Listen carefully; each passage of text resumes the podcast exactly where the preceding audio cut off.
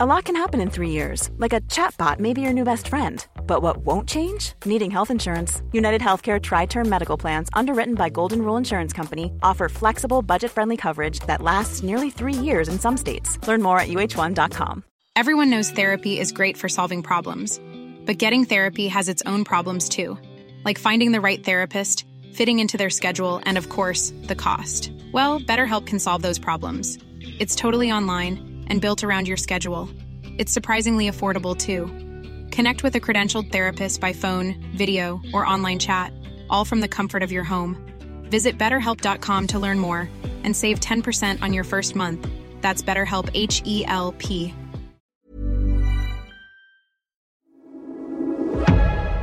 Du lyssnar på GVS ljudböcker.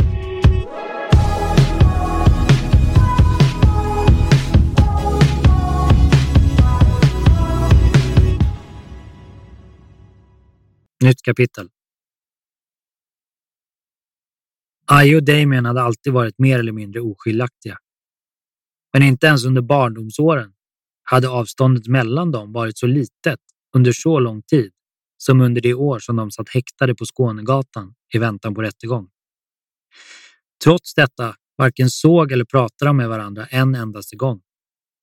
Det sista Damien hade sett av sin vän var hur han försvann från Friggagatan i en polisbil strax innan han själv gjorde detsamma.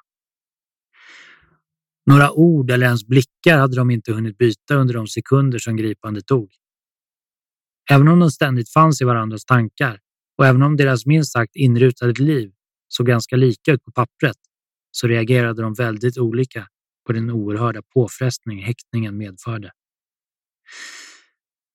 Precis som Aje kände Damien folk som hade befunnit sig i samma situation och som hade tioåriga fängelsestraff eller längre bakom sig. Tanken hade varit svår att greppa och han kunde inte riktigt föreställa sig hur man orkade med något sånt. Men nu, när han själv satt i isoleringscell och enligt sina egna beräkningar riskerade uppemot 14 år, så var det varken panik, hat eller ånger som han kände. Det var beslutsamhet. Efter bara någon vecka, när han hade analyserat situationen och förstått mer av vad det handlade om, så ställde han in sig på det värsta och utgick från det när han vaknade varje morgon. Han gick igenom de potentiella maxstraffen, adderade ihop dem och fick det till 14 år. Fick han 14 år skulle det betyda att han berövades sin frihet i drygt nio år. Han släppte i princip den fortsatta utredningen där och då. Det fick gå som det gick. När utredningen väl nådde domstol skulle Damien fortfarande inte ha medverkat vid ett enda förhör. Hans enda drivkraft i tillvaron blev istället att se till att han skulle ångra sitt straff så lite som möjligt. Allt sånt som han aldrig hade haft tid, lust eller ork till utanför murarna var helt plötsligt nya sätt att för stunden fly tristessen inne på häktet. Damien började träna regelbundet, så ofta han fick. En timme varannan dag tränade han disciplinerat och målmedvetet i sin ensamhet på häktets enkla gym. Dessutom började han läsa. Han hade alltid tyckt att det var tråkigt att läsa. Men i jämförelse med att stirra in i en vägg hela dagarna blev det helt plötsligt ganska intressant. De dagliga promenaderna utnyttjade han också. På polishusets tak kunde han andas frisk luft och låta tankarna flyga fritt. Han tänkte ofta tillbaka på den första promenaden han och Aje gjort längs tågrälsen vid Eriksberg. Han tänkte på deras kvarlämnade ciderflaskor och hur de hittat dem igen, exakt tio år senare. Tio år som hade susat förbi så fort att de idag nästan var omöjligt att uppfatta hur lång tid det verkligen var.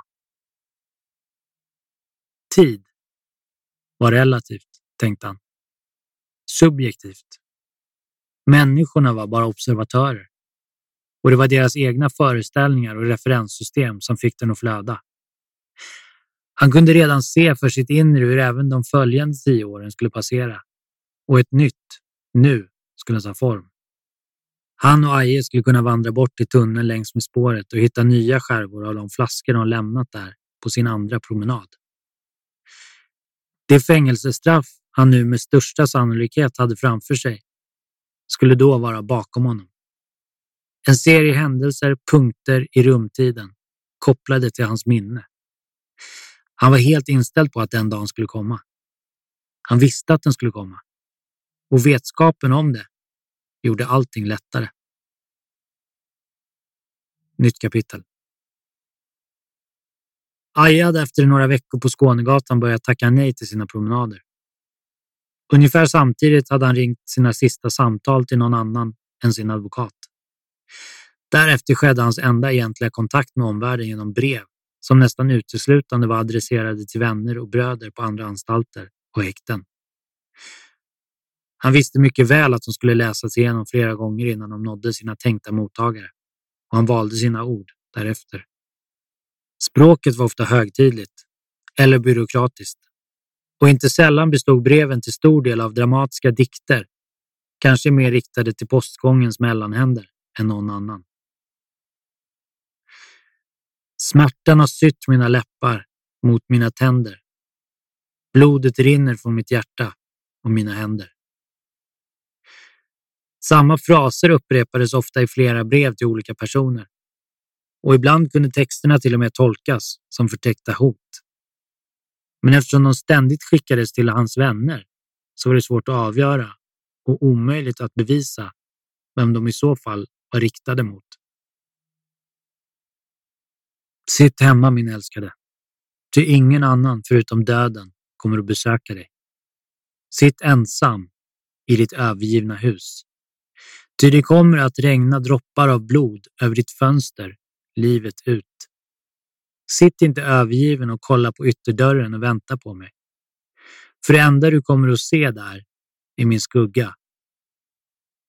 Ibland med den efterföljande kommentaren. Ingen bryr sig om du lever eller dör. Breven lämnade cell 708 på Skånegatan i en strid ström. Ibland flera om dagen.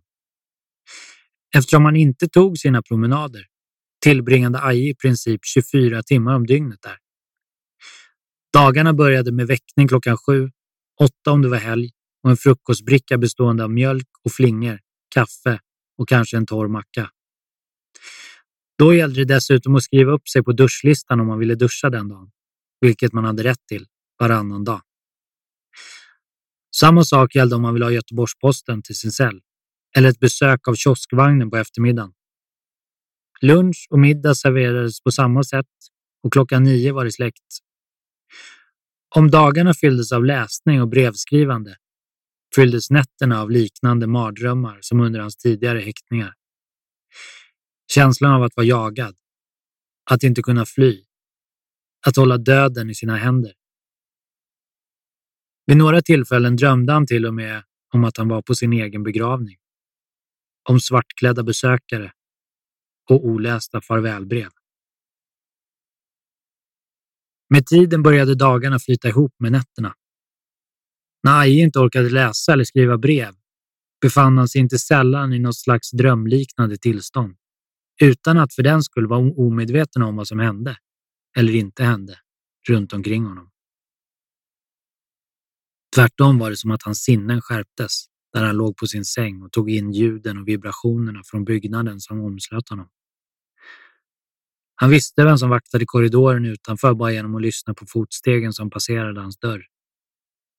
Deras sätt att gå på, tempot i stegen.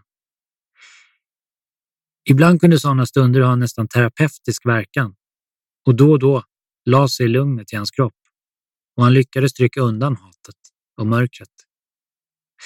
Vid andra tillfällen kunde det få rakt motsatt effekt och istället generera ångestattacker eller raseriutbrott. En av fångvaktarna hade för vana att ständigt slänga med sin nyckelknippa medan han vankade av och an utanför celldörrarna. Det var kanske bara en vanesak. Men Aje tolkade det inte som något annat än medveten psykisk tortyr riktad mot honom och hans medintagna. Hur mycket han än försökte försvinna i tanken tvingade det rasslande ljudet tillbaka honom till verkligheten. Till slut hörde han inget annat. Det var som att nycklarnas klirrande spred sig genom cellväggarna och fick luften där inne att själva. Han hade slagit nycklarnas ägare sönder och samman många gånger i tanken innan han till slut konfronterade honom i samband med toalettbesök. Han spärrade upp ögonen och försökte hålla kroppen i schack. Du kan gå vad fan du vill med dina jävla nycklar, men inte utanför min cell. Du borde veta vad psykisk tortyr är och jag tänker inte ta det. Inte en gång till. Aje väste fram orden och den förvånade vakten lämnade honom utan att få någon replik. Han hörde inte nycklarna igen. Det var svårt att få en vettig arbetssyssla på häktet som gängmedlem och Aje hade inga planer på att anstränga sig. Samtidigt behövde han hitta på nya sätt att få tiden att gå i det lilla utrymmet. Dagarna var en ständig upprepning av sig själv. Efter ett drygt halvår i häktet rubbades hans statiska schema. Egentligen kunde han inte uttala sig rättvist om kriminalvårdarna på Skånegatan. Han gav dem knappast någon chans. Ett närmast hotfullt tack så mycket efter varje toalettbesök var i princip det enda han sa till dem. Han hatade dem på samma sätt som han hatade myndigheten de var en del av. Men det fanns en kriminalvårdare på säkerhetsavdelningen som Aje ändå tillskrev ett visst mänskligt värde. Varför var svårt att säga. Men det skulle visa sig att han hade haft rätt när han valde att inte vara onödigt fientlig inställd till henne. Vill du ha lite extra mat? hade hon plötsligt frågat vid middagen en dag. Aja hade blivit överrumplad. Att ord penetrerade hans bubbla inne på häktet hörde knappast till vanligheterna. Och att de bildade en mening som man skulle kunna få för sig att vilja svara på hade nog inte hänt sedan nedflyttningen till våning sju. Jag törstar efter proteiner som en varulv törstar efter blod. Aje nästan njöt av att höra sitt svar. Han kände sig nästan lite sjuk inne i sin egen värld av hat och krig. Han ville vara ett monster. Det var hans sätt att överleva här. Mer mat fick han i alla fall. Och det dröjde inte länge innan samma vårdare gav honom ett ännu bättre erbjudande. Jo, jag vet ju att du är med i ett gäng och så. Aje gav henne en frågande blick. Men eh, skulle du vara intresserad av tvättjobbet? Tvättstugan låg snett mitt emot Ajes cell och tvättade kläder från olika avdelningar. Han nickade oberört på huvudet. Ja, okej. Okay. Vad bra. Då säger vi så. Aje återgick till maten medan hjärnan började möblera om i hans inrutade livspussel. Rutinerna skulle behöva ändras, men det skulle innebära två tydliga fördelar. Mer pengar och framför allt mer information.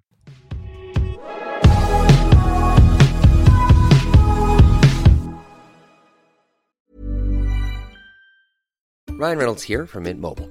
With the price of just about everything going up during inflation, we thought we'd bring our prices down. So to help us, we brought in a reverse auctioneer, which is apparently a thing. Mint Mobile unlimited premium wireless. Ready to get 30, 30, bit to get 30, bit to get 20, 20, 20, bit to get 20, 20, bit to get 15, 15, 15, 15 just 15 bucks a month. So, Give it a try at mintmobile.com/switch. slash $45 up front for 3 months plus taxes and fees. Promo for new customers for limited time. Unlimited more than 40 gigabytes per month slows. Full terms at mintmobile.com. Everyone knows therapy is great for solving problems, but getting therapy has its own problems too. Like finding the right therapist, fitting into their schedule, and of course, the cost. Well, BetterHelp can solve those problems. It's totally online and built around your schedule.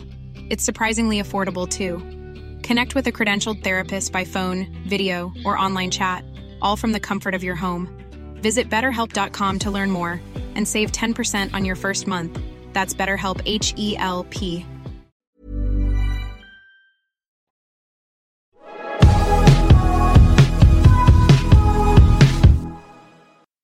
Nytt kapitel. Utdrag från Internationella åklagarkammaren i Göteborg 9 december 2004. Chefsåklagare Jim Björk, Göteborgs tingsrätt.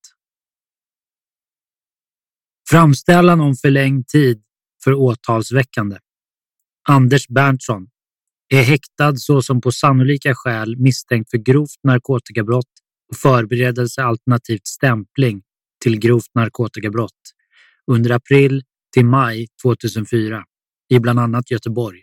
Mottagare och distributör av ett större amfetaminparti samt åtagit sig att motta ännu ett stort amfetaminparti för distribution. Enligt domstolens beslut skall åtal vara väckt senast 2004 12 10.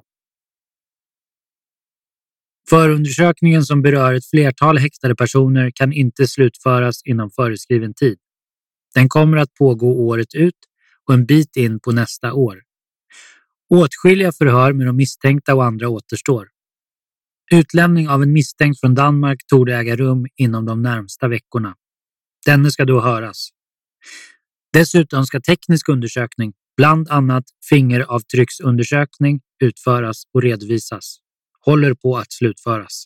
Samt telefonavlyssningsmaterial analyseras och sammanställas. Förundersökningsåtgärder utomlands erfordras även. Utredningsmaterial från bland annat Litauen har anlänt och är för närvarande föremål för översättning. Därefter ska innehållet analyseras och ligga till grund för ytterligare förhör. Med hänsyn till kommande jul-, nyårs och trettondagshelger samt till att omhäktningsförhandling redan satts ut till 04.12.13 begär jag redan nu förlängning av åtalstiden till och med 2005 01 13. Utredningsarbetet kommer att fortgå under arbetsdagarna mellan angivna helger. Det finns fortfarande behov av att Berntsson är ålagd restriktioner. Jim Björk när julhelgen 2004 närmade sig hade Annika Johansson arbetat med samma fall i över ett halvår och den präglade hennes liv därefter. Tankarna fortsatte mala även efter arbetsdagens slut. Hon hade alltid sin anteckningsbok nära till hands, redo att skriva ner nya frågeställningar och idéer och ta med sig till förhören som hon nästan skötte helt själv. Hon till och med drömde om utredningen och såg fram emot att få ett par extra dagars ledighet för att fira jul och nyår med sin familj. Samtidigt som det var påfrestande fanns det en tillfredsställelse i att se hur förundersökningen hade utvecklats. Annika hade blivit förvånad när en av de häktade litauernas advokat hade meddelat att hans klient ville ändra vissa av de uppgifter han lämnat under de inledande förhören. Hon hoppades naturligtvis att det var goda nyheter och boka in en tolk för att kunna genomföra det första förhöret. Samtalet som följde var över all förväntan. Annika skulle aldrig riktigt få veta varför en av de misstänkta litauerna hade bestämt sig för att börja prata om resorna till Sverige. Hon visste sedan tidigare att han inte hade någon ledande position i gruppen. Och kanske spelade det en viss roll. De totalt 19 förhören med Litauen förklarade en hel del kring de misstänkta smuggelresorna och betydde mycket för polisens arbete. Det blev helt plötsligt självklart att arbeta för att fälla de inblandade för sammanlagt tre narkotikaleveranser. Från början hade Annika varit osäker över om bevisen skulle räcka till för att väcka åtal för de två resor som föregått själva beslaget. Möjligen en av dem hade hon hoppats. Nu kände hon plötsligt att det skulle gå att väva samman alla tre. Genom att komplettera spaningsuppgifterna, telefonavlyssningarna och de tekniska bevisen med den frispråkige Litauens berättelser kunde man dessutom bilda sig en uppfattning om hur mycket narkotika det kunde tänkas ha rört sig om. Annika var hoppfull. Men det var långt ifrån över. Nytt kapitel. Aje klev in i häktesavdelningens tvättstuga och såg sig omkring. Det var rejält rörigt där inne. Han hade alltid uppfattat sig själv som en strukturerad och välorganiserad person. Egenskaper som han förfinat de senaste månaderna. På samma pedantiska sätt som han hade ordnat sin cell började han nu strukturera kriminalvårdens häktesoveraller, byxor, linnen, kalsonger och strumpor. Han började med de mest självklara sakerna, som att lägga plaggen i prydliga högar och sortera dem efter storleksordning. Det tog inte lång tid för honom att förvandla oredan till ett överskådligt och lättillgängligt system för in och utgående tvätt. Medan maskinerna snurrade igång fortsatte Aje med att studera en specifik hög i rummet. Den med de intagnas privata kläder. De kläder en häktad hade på sig vid gripandet passerade även de en av anstaltens tvättstugor innan de hamnade i förvar i väntan på antingen rättegång eller frigivning. För att de skulle hamna rätt märktes alla privata kläder med ägarens intagningsnummer, cellnummer samt avdelningsnummer. Aje kunde snabbt konstatera att han tvättade åt intagna på fler avdelningar än sin egen. Och att han, om han såg till att vara med på noterna, skulle kunna hålla hyfsad koll på vilka som passerar både hans egen cellkorridor och de runt omkring. Den nya tillvaron blev snabbt rutin och var på flera sätt att föredra framför den gamla. Han hade utvidgat sin trygghetszon och skapat sig ytterligare ett utrymme där han kunde vara ostörd, oberoende av andra. Att gå igenom de nyintagnas kläder var för det mesta ett sätt att hålla tankarna i styr, men det hände att plaggen avslöjade mer än vad som kanske var tänkt. I slutet av februari fångar en stor svart tröja hans uppmärksamhet så fort han plockar den ur tvättkorgen. Den rödgula färgkombinationen på trycket var minst sagt bekant. Orden på ryggen. Loved by few, hated by most, feared by all. Tillsammans med tröjstorleken gjorde att Aje drog slutsatsen att hans vän, tillika klubbens president, satt i en cell ett par avdelningar bort. Han fortsatte gå igenom korgen. Det rimliga var i så fall att även andra medlemmar gripits. Frågan var bara vilka och vart de hamnat. Efter några obekanta klädesplagg dök ett par välbekanta Better Buddies-byxor upp. Trots att många andra säkerligen ägde likadana tvekade jag inte en sekund på att det var Magnus byxor. Ett par dagar senare skulle han få sina misstankar bekräftade. Mjölk och flingor hade aldrig varit något förstahandsval om Aje själv fick välja frukostmat. Var han inne i en dygnsrytm som gjorde vanlig frukost till ett aktuellt mål åkte han oftast till något av Göteborgs hotell och betalade för att ta del av deras morgonbuffé. Under bron vid Röda Sten låg ett gammalt bryggeri som gjorts om till hotell. Och där kunde man äta sig mätt på stekt bacon, äggröra, rejäla mackor och juice. Häktets flingor fick honom att vilja spy. Vissa dagar rent bokstavligt. Det var en sån dag, strax efter väckning, som Magnus tyckte sig höra ett välbekant rosslande och harklande från någon av de intilliggande cellerna.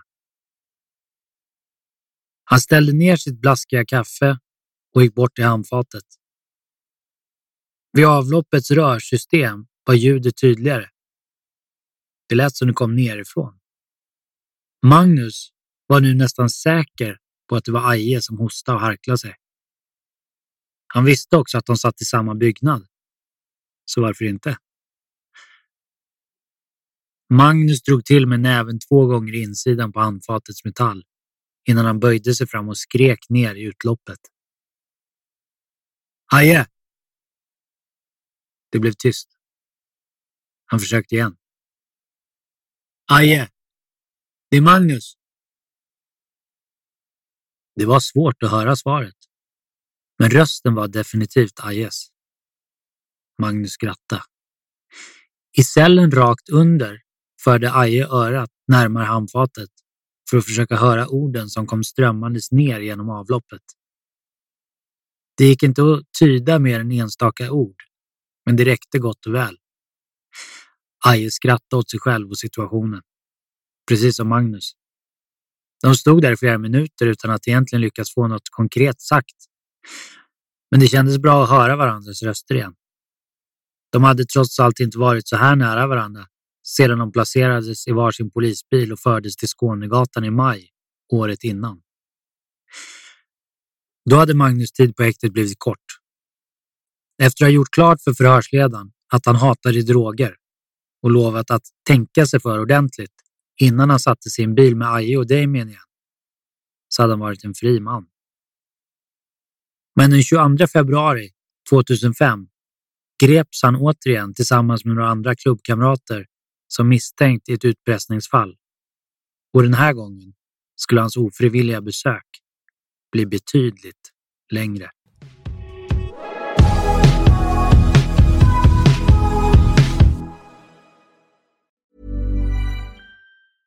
Planning for your next trip? Elevate your travel style with Quince. Quince has all the jet setting essentials you'll want for your next getaway, like European linen, premium luggage options, buttery soft Italian leather bags, and so much more. And is all priced at 50 to 80% less than similar brands. Plus, Quince only works with factories that use safe and ethical manufacturing practices. Pack your bags with high-quality essentials you'll be wearing for vacations to come with Quince. Go to quince.com/pack for free shipping and 365-day returns.